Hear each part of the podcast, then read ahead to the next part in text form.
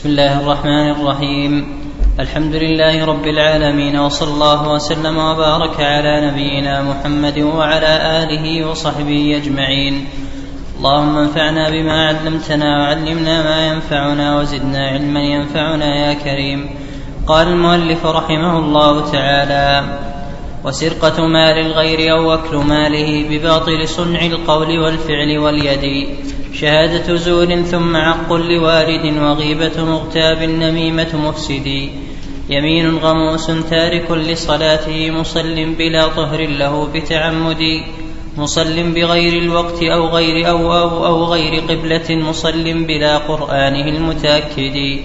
قنوط الفتى من رحمة الله ثم قل إساءة ظن بالإله الموحد.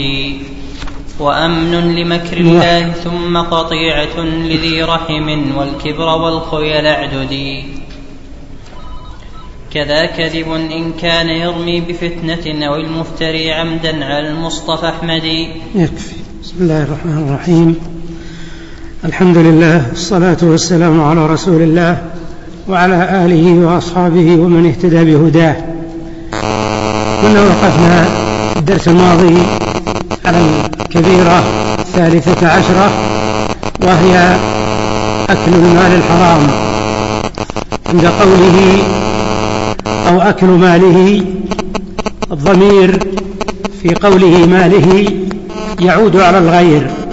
يعني أو أكل أو أكل مال الغير. وهذه الكبيرة أعم من الكبيرة التي قبلها.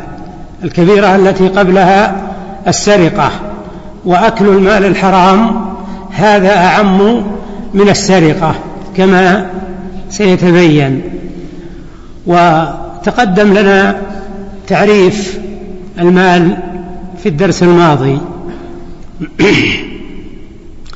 والمراد بهذه الكبيرة كما قال المؤلف أكل أموال الناس بالباطل لأنه قال أو أكل ماله بباطل وهذا أو أكل ماله بباطل صنع القول.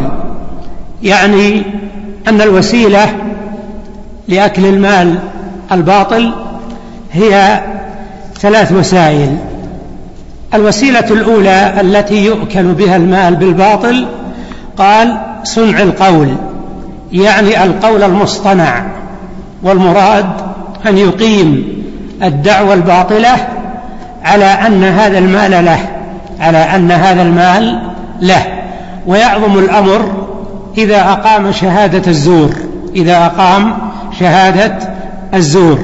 هذا معنى قوله بباطل صنع القول وصنع مضاف والقول مضاف إليه من إضافة الصفة إلى الموصوف لأن المراد بباطل القول المصطنع. القول المصطنع والباطل كل ما خالف الشرع مثل الغش والربا والكذب في البيع أو التدليس وما أشبه ذلك مثل تطفيف المكاييل والموازين ومثل أن يلتقط لقطة فلا يعرفها.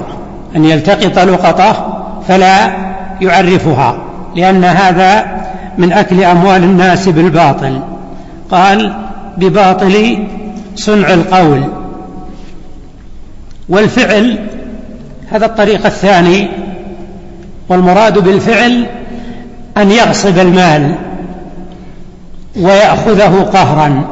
أن يغصب المال ويأخذه قهرا كأن يكون من بيده المال كأن يكون من بيده المال شخص ضعيف مستضعف فيأتي إنسان ويأخذه منه بالقوة والقهر. وقوله بباطل صنع القول والفعل واليد اليد اللي يسمى عند العلماء الاستيلاء يعني يستولي على المال.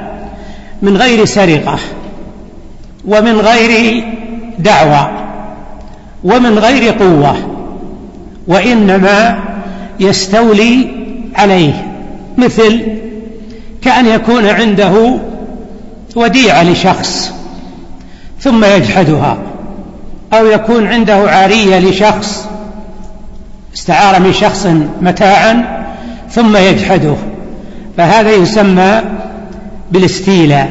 يقال إنه استولى على هذا المال فلم يدفعه لصاحبه فلم يدفعه لصاحبه.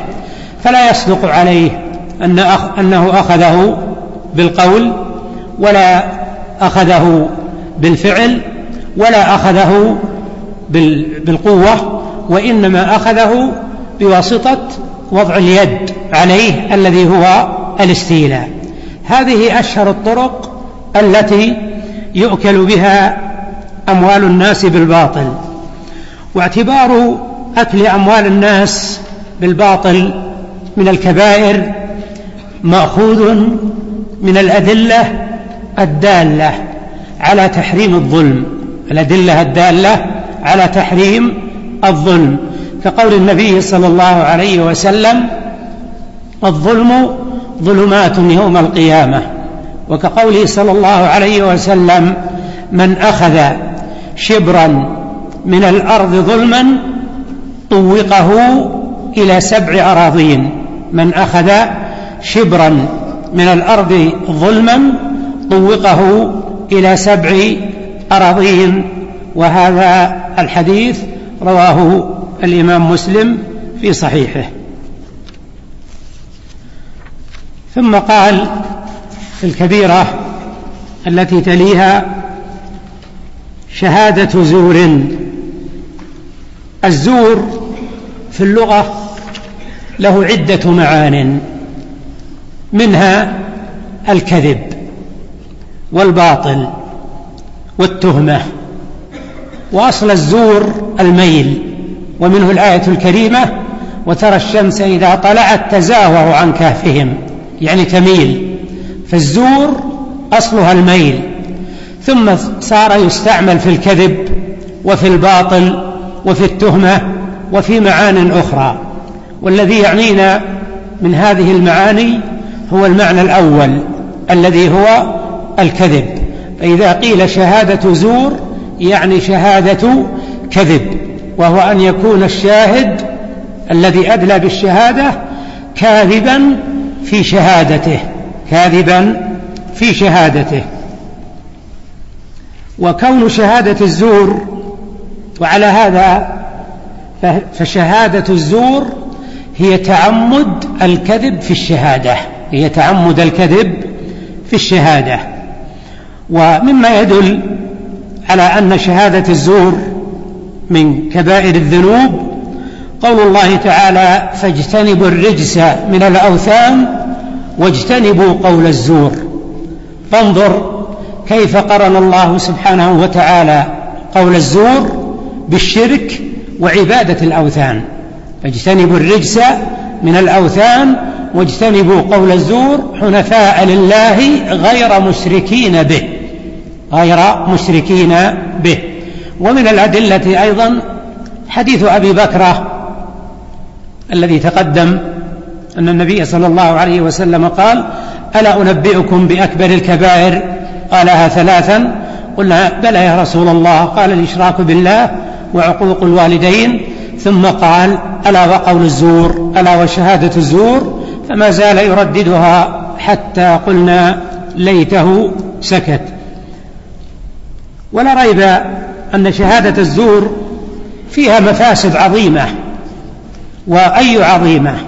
فهي أولا فيها أكل أموال الناس بالباطل لأن الذين يأكلون أموال الناس بالباطل عند القضاة وعند الحكام إنما يعتمدون في الغالب على شهادة الزور. أيضا شهادة الزور فيها تضليل للقضاة لأن القاضي ما يدري سيحكم بمقتضى هذه الشهادة. ثالثا شهادة الزور فيها الظلم ظلم الناس. لأنها تؤدي إلى أخذ الحق من مستحقه وإعطائه لغير مستحقه. نعم قال شهادة زور ثم عق لوالد. هذه الكبيرة الخامسة عشرة وهي عقوق الوالدين عقوق الوالدين.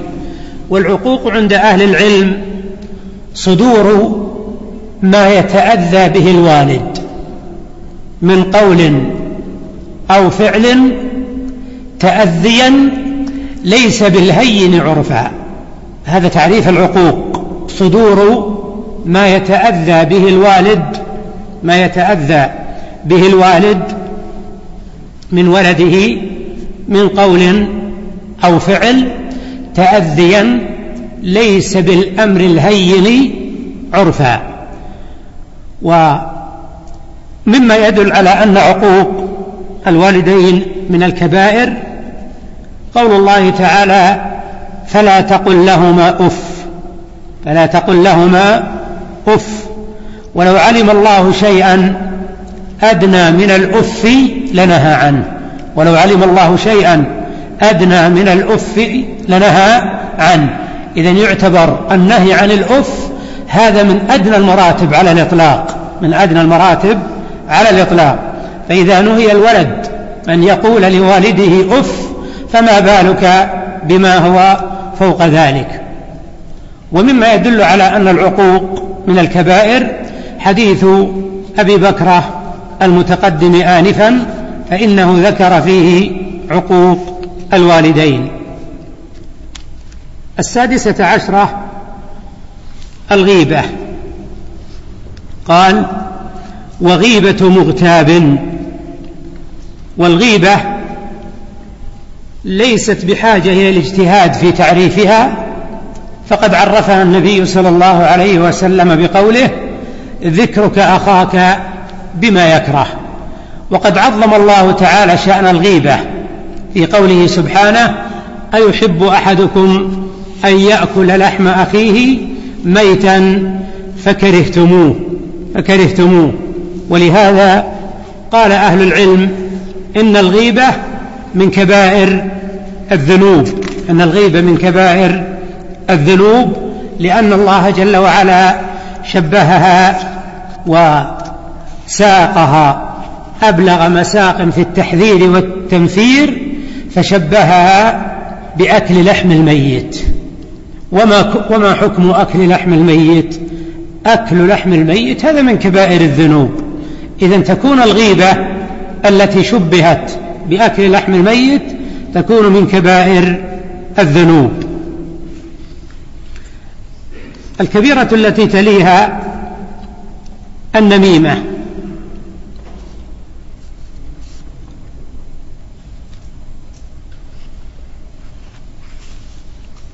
النميمة. قال عنها الناظم نميمة مفسدي. هذه الإضافة يا إخوان تفيد التوكيد لأن أصل النميمة أصل النميمة تقوم على الإفساد. فقوله نميمة مفسدي هذه إضافة يقصد بها التوكيد. والنميمة هي نقل الكلام على وجه الإفساد على وجه الإفساد.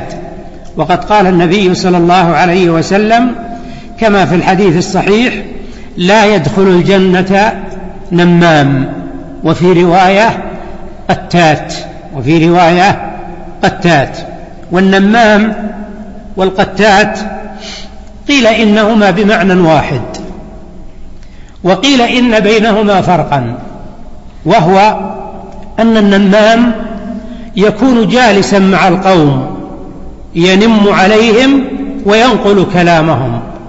والقتات هو الذي لا يكون مع القوم وإنما يتسمع عليهم فينم وينقل الكلام. إذا على القول الثاني إن كان النمام حاضرا فهو نمام أو بمعنى أحسن إن كان الذي ينقل الكلام حاضرا فهو نمام وإن لم يكن حاضرا كأن يكون مختفيا وراء باب أو وراء جدار فهذا هو القتات. هذا ما قاله علماء اللغة في التفريق بينهما عند من يقول بالتفريق. وكون النميمة من الكبائر هذا دل عليه القرآن في عدة آيات. قال تعالى والذين يؤذون المؤمنين والمؤمنات بغير ما اكتسبوا فقد احتملوا بهتانا وإثما مبينا. ولا ريب أن من إيذاء المؤمنين والمؤمنات نقل الكلام على وجه الإفساد. ومنه أيضا قول الله تعالى هماز مشاء بنميم.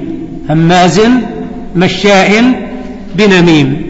ومما يدلك على عظم النميمة قول الله تعالى ما يلفظ من قول إلا لديه رقيب عتيد أما من السنة فحديث ابن عباس في الصحيحين أن النبي صلى الله عليه وسلم مر على قبرين فقال إنهما لا يعذبان وما يعذبان في كبير بلى إنه كبير. يعني ما يعذبان في أمر كبير عليه عليهما تركه أو صعب عليهما تركه. ترك سهل ولكنه في حد ذاته هو كبير. أما أحدهما فكان يمشي بالنميمة وأما الآخر فكان لا يستتر من البول لا يستتر من البول. ولهذا بوب البخاري رحمه الله في صحيحه. على هذا الحديث قال باب ما جاء في أن النميمة من الكبائر في أن النميمة من الكبائر. وهذا أمر واضح وبين أنها من الكبائر.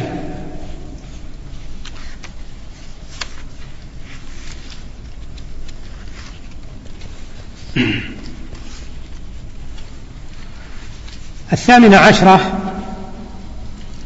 قال الناظم يمين غموس. يمين غموس. اختلف العلماء في اليمين الغموس على قولين. القول الأول وهو المشهور وهو الصواب أن اليمين الغموس هي هي اليمين التي يحلف بها لاقتطاع مال امرئ مسلم. فإذا حلف عند القاضي أن هذه الأرض له أو أن هذا الجزء من الأرض له مثلا وهو كاذب في يمينه عمدا فهذه تعتبر اليمين الغموس. والقول الثاني أن اليمين الغموس هي اليمين الكاذبة مطلقا سواء اقتطع بها مال امرئ مسلم أم لم يقتطع. ولكن القول الأول هو الذي دل عليه الحديث وهو حديث عبد الله بن عمر الذي رواه البخاري في صحيحه. أن النبي صلى الله أن أعرابيا جاء إلى النبي صلى الله عليه وسلم فقال يا رسول الله ما الكبائر؟ شوف أعرابي أعرابي يقول ما الكبائر. فهالأعرابي ذا فاهم أن الذنوب فيها صغائر وفيها كبائر؟ فهذا الدليل تضيفون إلى الأدلة اللي أخذنا في درس مضى. عندما تكلمنا على أدلة تقسيم الذنوب إلى صغائر وكبائر. واضح؟ نعم. فقال للرسول صلى الله عليه وسلم يا رسول الله ما الكبائر؟ قال الإشراك بالله. قال ثم ماذا؟ قال اليمين الغموس. قلت السائل أحد الرواة رواة الحديث قلت للشعبي لأن الشعبي هو الراوي أيضا لأن ورد بعض الروايات كما في صحيح ابن حبان أن المسؤول هو الشعبي. نعم. قلت وما اليمين الغموس؟ قال التي يقتطع بها مال امرئ مسلم عمدا. فهذا التفسير تفسير الراوي والقاعدة عند العلماء أنه إذا لم يوجد ما يعارض تفسير الراوي فإن تفسير الراوي هو المقدم لأن الراوي أعلم بما روى لأن الراوي أعلم بما روى ولا سيما من كبار التابعين كالشعبي رحمه الله. ومن الأدلة أيضا قول الله تعالى إن الذين يشترون بعهد الله وأيمانهم ثمنا قليلا أولئك لا خلاق لهم في الآخرة. ولا يكلمهم الله ولا ينظر إليهم يوم القيامة ولا يزكيهم ولهم عذاب أليم. الآية كما هو معلوم في سورة آل عمران. فهذه الآية دليل بين على أن الذين يشترون بعهد الله وأيمانهم ثمنا قليلا. ومتى يشتري بيمينه ثمنا قليلا؟ إذا حلف كاذبا. إذا حلف كاذبا على اقتطاع حق أخيه المسلم فإنه يصدق عليه أنه اشترى بآيات الله أو اشترى بيمينه ثمنا قليلا. ولهذا قال الناظم يمين غموس. وسميت اليمين الغموس بهذا الاسم لأنها تغمس صاحبها في الإثم عندما يتعاطاها فإذا تعاطاها وهو في دار الدنيا غمسته في الإثم. ويبقى الغمس الأعظم وهو أنها تغمسه فيما بعد في النار. لأن من انغمس في الإثم انغمس في النار كما هو المعلوم في القاعدة عند العلماء في حكم أهل الكبائر. يعني أهل الكبائر قد نسينا النقطة ذي أهل الكبائر عند أهل السنة والجماعة لا يخلدون في النار وإنما هم تحت المشيئة لكن يشترط في حقهم ما داموا في دار الدنيا يشترط التوبة. فإذا ما قدموا على الله تعالى فأمرهم إلى الله إن شاء عذبهم بما يعلم سبحانه أنهم يستحقونه وإن شاء عفى عنهم. لكن لا يخلد في النار أحد من أهل التوحيد ولو كان من أهل الكبائر. الكبيرة التي تليها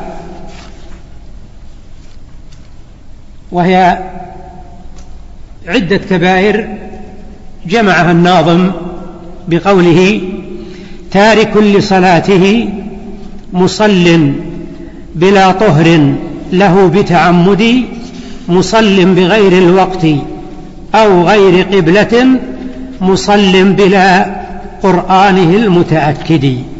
هذه عدة كبائر وفيها نوع تداخل لكن الناظم مشى على ما ذكر في كتاب الإقناع فنظمها على أنها عدة كبائر.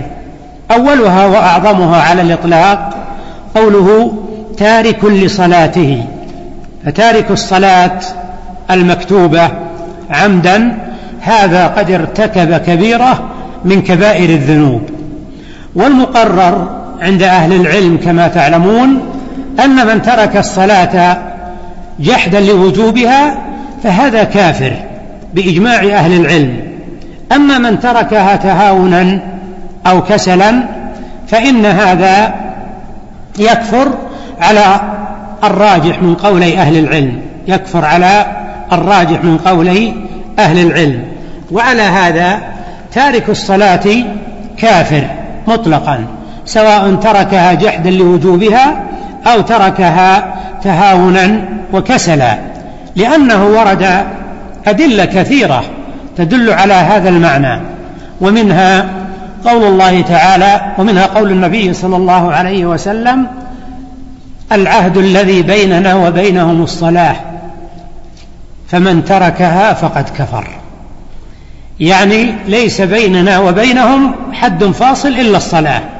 فمن صلى فهو المؤمن ومن لم يصلي فهو الكافر. فالرسول صلى الله عليه وسلم جعل الصلاة حدا فاصلا بين الإيمان وبين الكفر وليس هناك واسطة وليس هناك واسطة.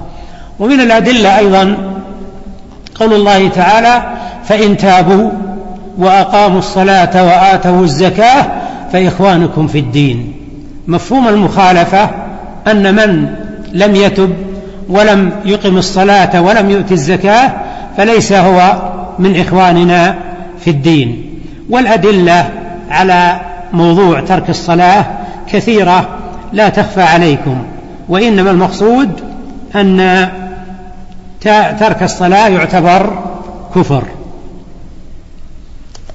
ولهذا ذهب جماعة من أهل العلم ومنهم الحجاوي ناظم الكبائر ذهب في كتابه الإقناع إلى أن من ترك الصلاة تهاونا فهو كافر. ولهذا قد يقال إنه لا داعي إلى عدها في الكبائر لا داعي إلى عدها في الكبائر. لكن قد يقال ما دام إنهم عدوا الشرك بالله أو عد الشرك بالله مع الكبائر فلتكن الصلاة كذلك. الكبيرة التي تليها قال مصل بلا طهر. يعني مصل بلا وضوء. له بتعمدي يعني صلى الصلاة بدون طهارة وهو متعمد. لماذا؟ لأن من صلى بغير طهارة فلا صلاة له. كما ثبت في الصحيح أن النبي صلى الله عليه وسلم قال لا صلاة بغير طهور ومن صلى بغير طهور فهو كمن لم يصلي أصلا فهو كمن لم يصلي أصلا. وهذا قد لا يصدر من مؤمن يؤمن بالله واليوم الآخر يؤمن بشرعية الصلاة ثم يصلي بدون طهارة. الكبيرة التي تليها قال مصل بغير الوقت. يعني أنه يؤخر الصلاة عن وقتها. قد يصلي قبل دخول الوقت قد يصلي قبل دخول الوقت لكن هذا في نظري أقل ممن يصلي بعد بعد خروج الوقت. أو لا الذين قد يصلون بعد خروج الوقت أكثر من الذين يصلون قبل دخول الوقت. لأن الغالب أن الذي يصلي قبل دخول الوقت لا يكون متعمدا. يكون مخطئا أو ناسيا أو نحو هذا. لكن الذي يصلي بعد خروج الوقت ألا يوجد أناس نسأل الله العافية والهداية لهم يصلون بعد خروج الوقت؟ يصلون بعد خروج الوقت. يعني منهم من لا يصلي الفجر إلا بعد ما تطلع الشمس. إذا طلعت الشمس صلى ومشى إلى عمله. نعم. المقصود أن الصلاة في غير الوقت هذا يعتبر من كبير من كبائر الذنوب. واستدل العلماء على هذا بقول الله تعالى فخلف من بعدهم خلف أضاعوا الصلاة واتبعوا الشهوات فسوف يلقون غيا. وغي مشهور عند العلماء أنه واد في جهنم. فسر ابن مسعود هذه الآية الكريمة بقوله أضاعوا الصلاة فسر هذا بتأخيرها عن وقتها. وابن مسعود صحابي أعلم منا بمعاني القرآن وتبعه على هذا التفسير سعيد بن المسيب رحمه الله. سعيد بن المسيب رحمه الله. فابن مسعود رضي الله عنه وابن المسيب رحمه الله فسر هذه الآية بأن المراد تأخير الصلاة عن وقتها. ومنه أيضا قول الله تعالى فويل للمصلين الذين هم عن صلاتهم ساهون. فسر الآية سعد بن أبي وقاص رضي الله عنه الآية هذه فسرها بقوله هم الذين يؤخرون الصلاة عن وقتها. هم الذين يؤخرون الصلاة عن وقتها. وقد روي هذا الحديث مرفوعا ولكن ما يصح. ما يصح. الصواب أنه موقوف على سعد بن أبي وقاص رضي الله عنه. وبهذا يتبين لنا وجه نعم ذكر الصلاة في غير الوقت من كبائر الذنوب. وظنكم تذكرون أنه مر علينا في الدرس, الماضي درس أمس أو اللي قبل أمس نسيت. أظن قبل أمس في الأسئلة أثر عمر اللي أوردته لكم. نعم. من جمع بين الصلاتين من غير عذر فقد أتى بابا من أبواب الكبائر صح موقوفا على عمر رضي الله عنه كما ذكر هذا ابن كثير. أما من أخر الصلاة عن وقتها لعذر وهو الذي يريد الجمع يريد أن يجمع مثلا جمع تقديم أو يريد أن يجمع جمع تأخير فهذا مستثنى كما تقدم في درس البلوغ. الكبيرة التي تليها قال أو غير قبلة يعني أن يصلي إلى غير القبلة فهذا يعتبر من كبائر الذنوب لأن من صلى إلى غير القبلة كأنه ما صلى لأن الله جل وعلا يقول فول وجهك شطر المسجد الحرام وحيث ما كنتم فولوا وجوهكم شطره فاستقبال القبلة شرط من شروط الصلاة فمن صلى إلى غير القبلة فصلاته باطلة. لكن يخشى أن يكون أن أنه إذا تعمد أنه إذا تعمد أن يكون ارتكب كبيرة من كبائر الذنوب على ما ذكر المؤلف. إلا ما يستثنى مثل صلاة الخوف يصلون إلى أي جهة ومثل صلاة المسافر النفل يتنفل على راحلته أو على سيارته إذا كان ما يمكن النزول يتنفل إلى غير جهة. الكبيرة الأخيرة بالنسبة لموضوع الصلاة قال مصل بلا قرآنه المتأكد. المراد بالقرآن المتأكد الفاتحة لأن هي اللي واجبة وهي التي لا تصح الصلاة إلا بها. كما في الحديث الصحيح لا صلاة لمن لم يقرأ بفاتحة الكتاب. فالصلاة بدون الفاتحة لمن يحسنها نعم هذا صلاته باطلة.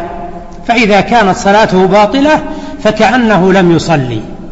أما الذي لا يحسن الفاتحة أو يحسن غير الفاتحة فهذا نعم تصح صلاته. لأن الله جل وعلا يقول فاتقوا الله ما استطعتم.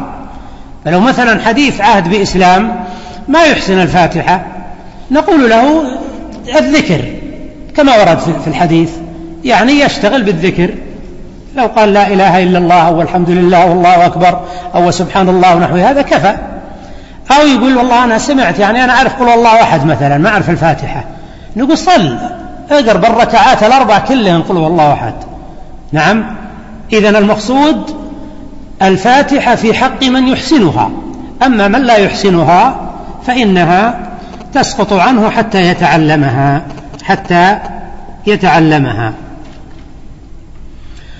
وكون المؤلف هنا نص على الصلاة بغير طهور أو إلى غير القبلة أو بدون الفاتحة لا يدل على أن بقية شروط الصلاة وأركان الصلاة إن أقل. المقصود إن جميع أركان الصلاة واجبات الصلاة أو شروط الصلاة على هالباب هذا. لكن كونه نص على بعضها لا يدل على أن البعض الآخر كذلك. يعني مثل هذا نقول لو مثلا صلى بدون طهارة يعني متنجسا ثيابه نجسة ونحو هذا نفس الكلام. فالمقصود بهذا أن جميع الشروط والأركان لا بد منها. فمن تركها مع القدرة عليها فإن صلاته وجودها وعدمها سواء.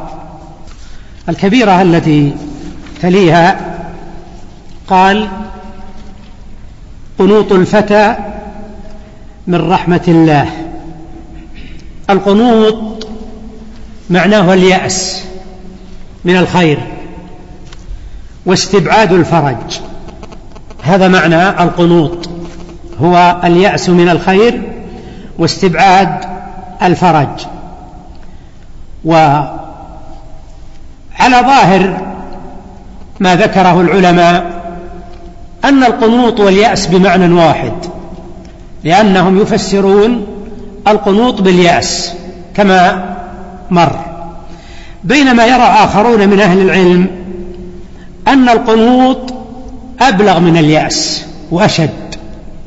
كأن المسألة أول ما تبدأ باليأس فإذا ازداد اليأس وصلت المسألة إلى درجة القنوط.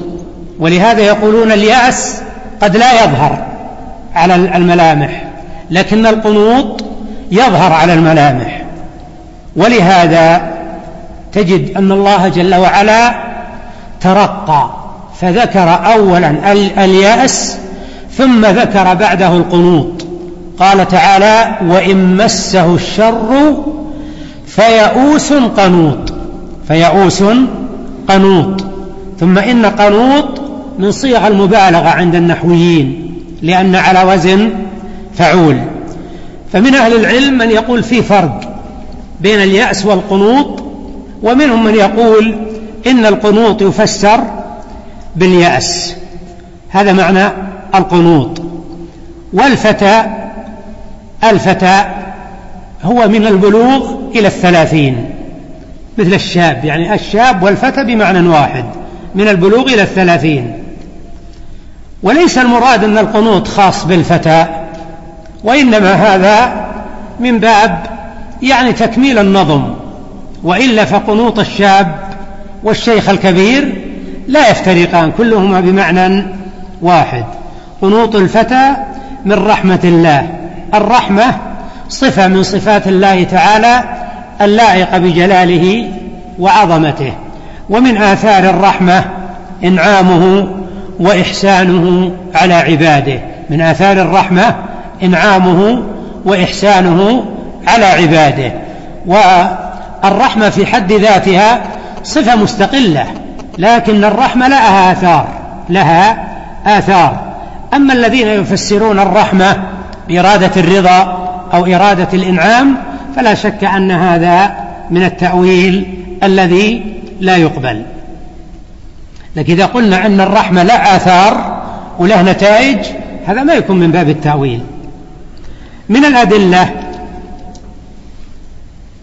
قول الله تعالى قل يا عبادي الذين أسرفوا على أنفسهم لا تقنطوا من رحمة الله إن الله يغفر الذنوب جميعا.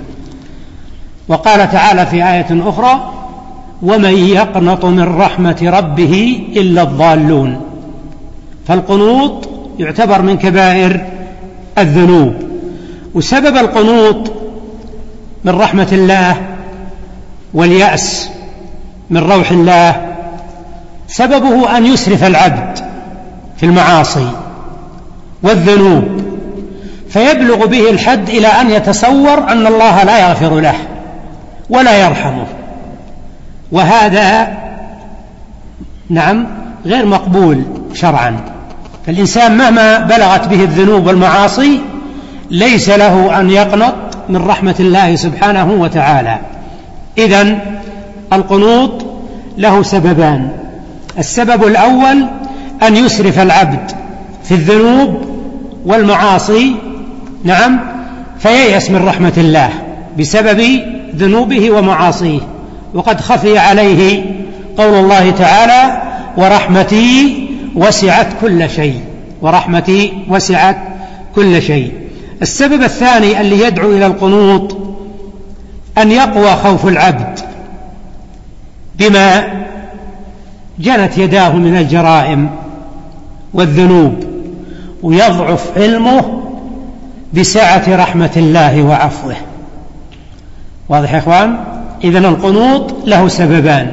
السبب الأول الإسراف في الذنوب والمعاصي والسبب الثاني شدة الخوف لأن اللي يسرف بالذنوب والمعاصي ينتج عنه ماذا؟ شدة خوف بسبب ما جنت يداه. وعلى العبد أن يعلم أن رحمة الله تعالى وسعت كل شيء لكن هذا مشروط بالتوبة النصوح كما تقدم.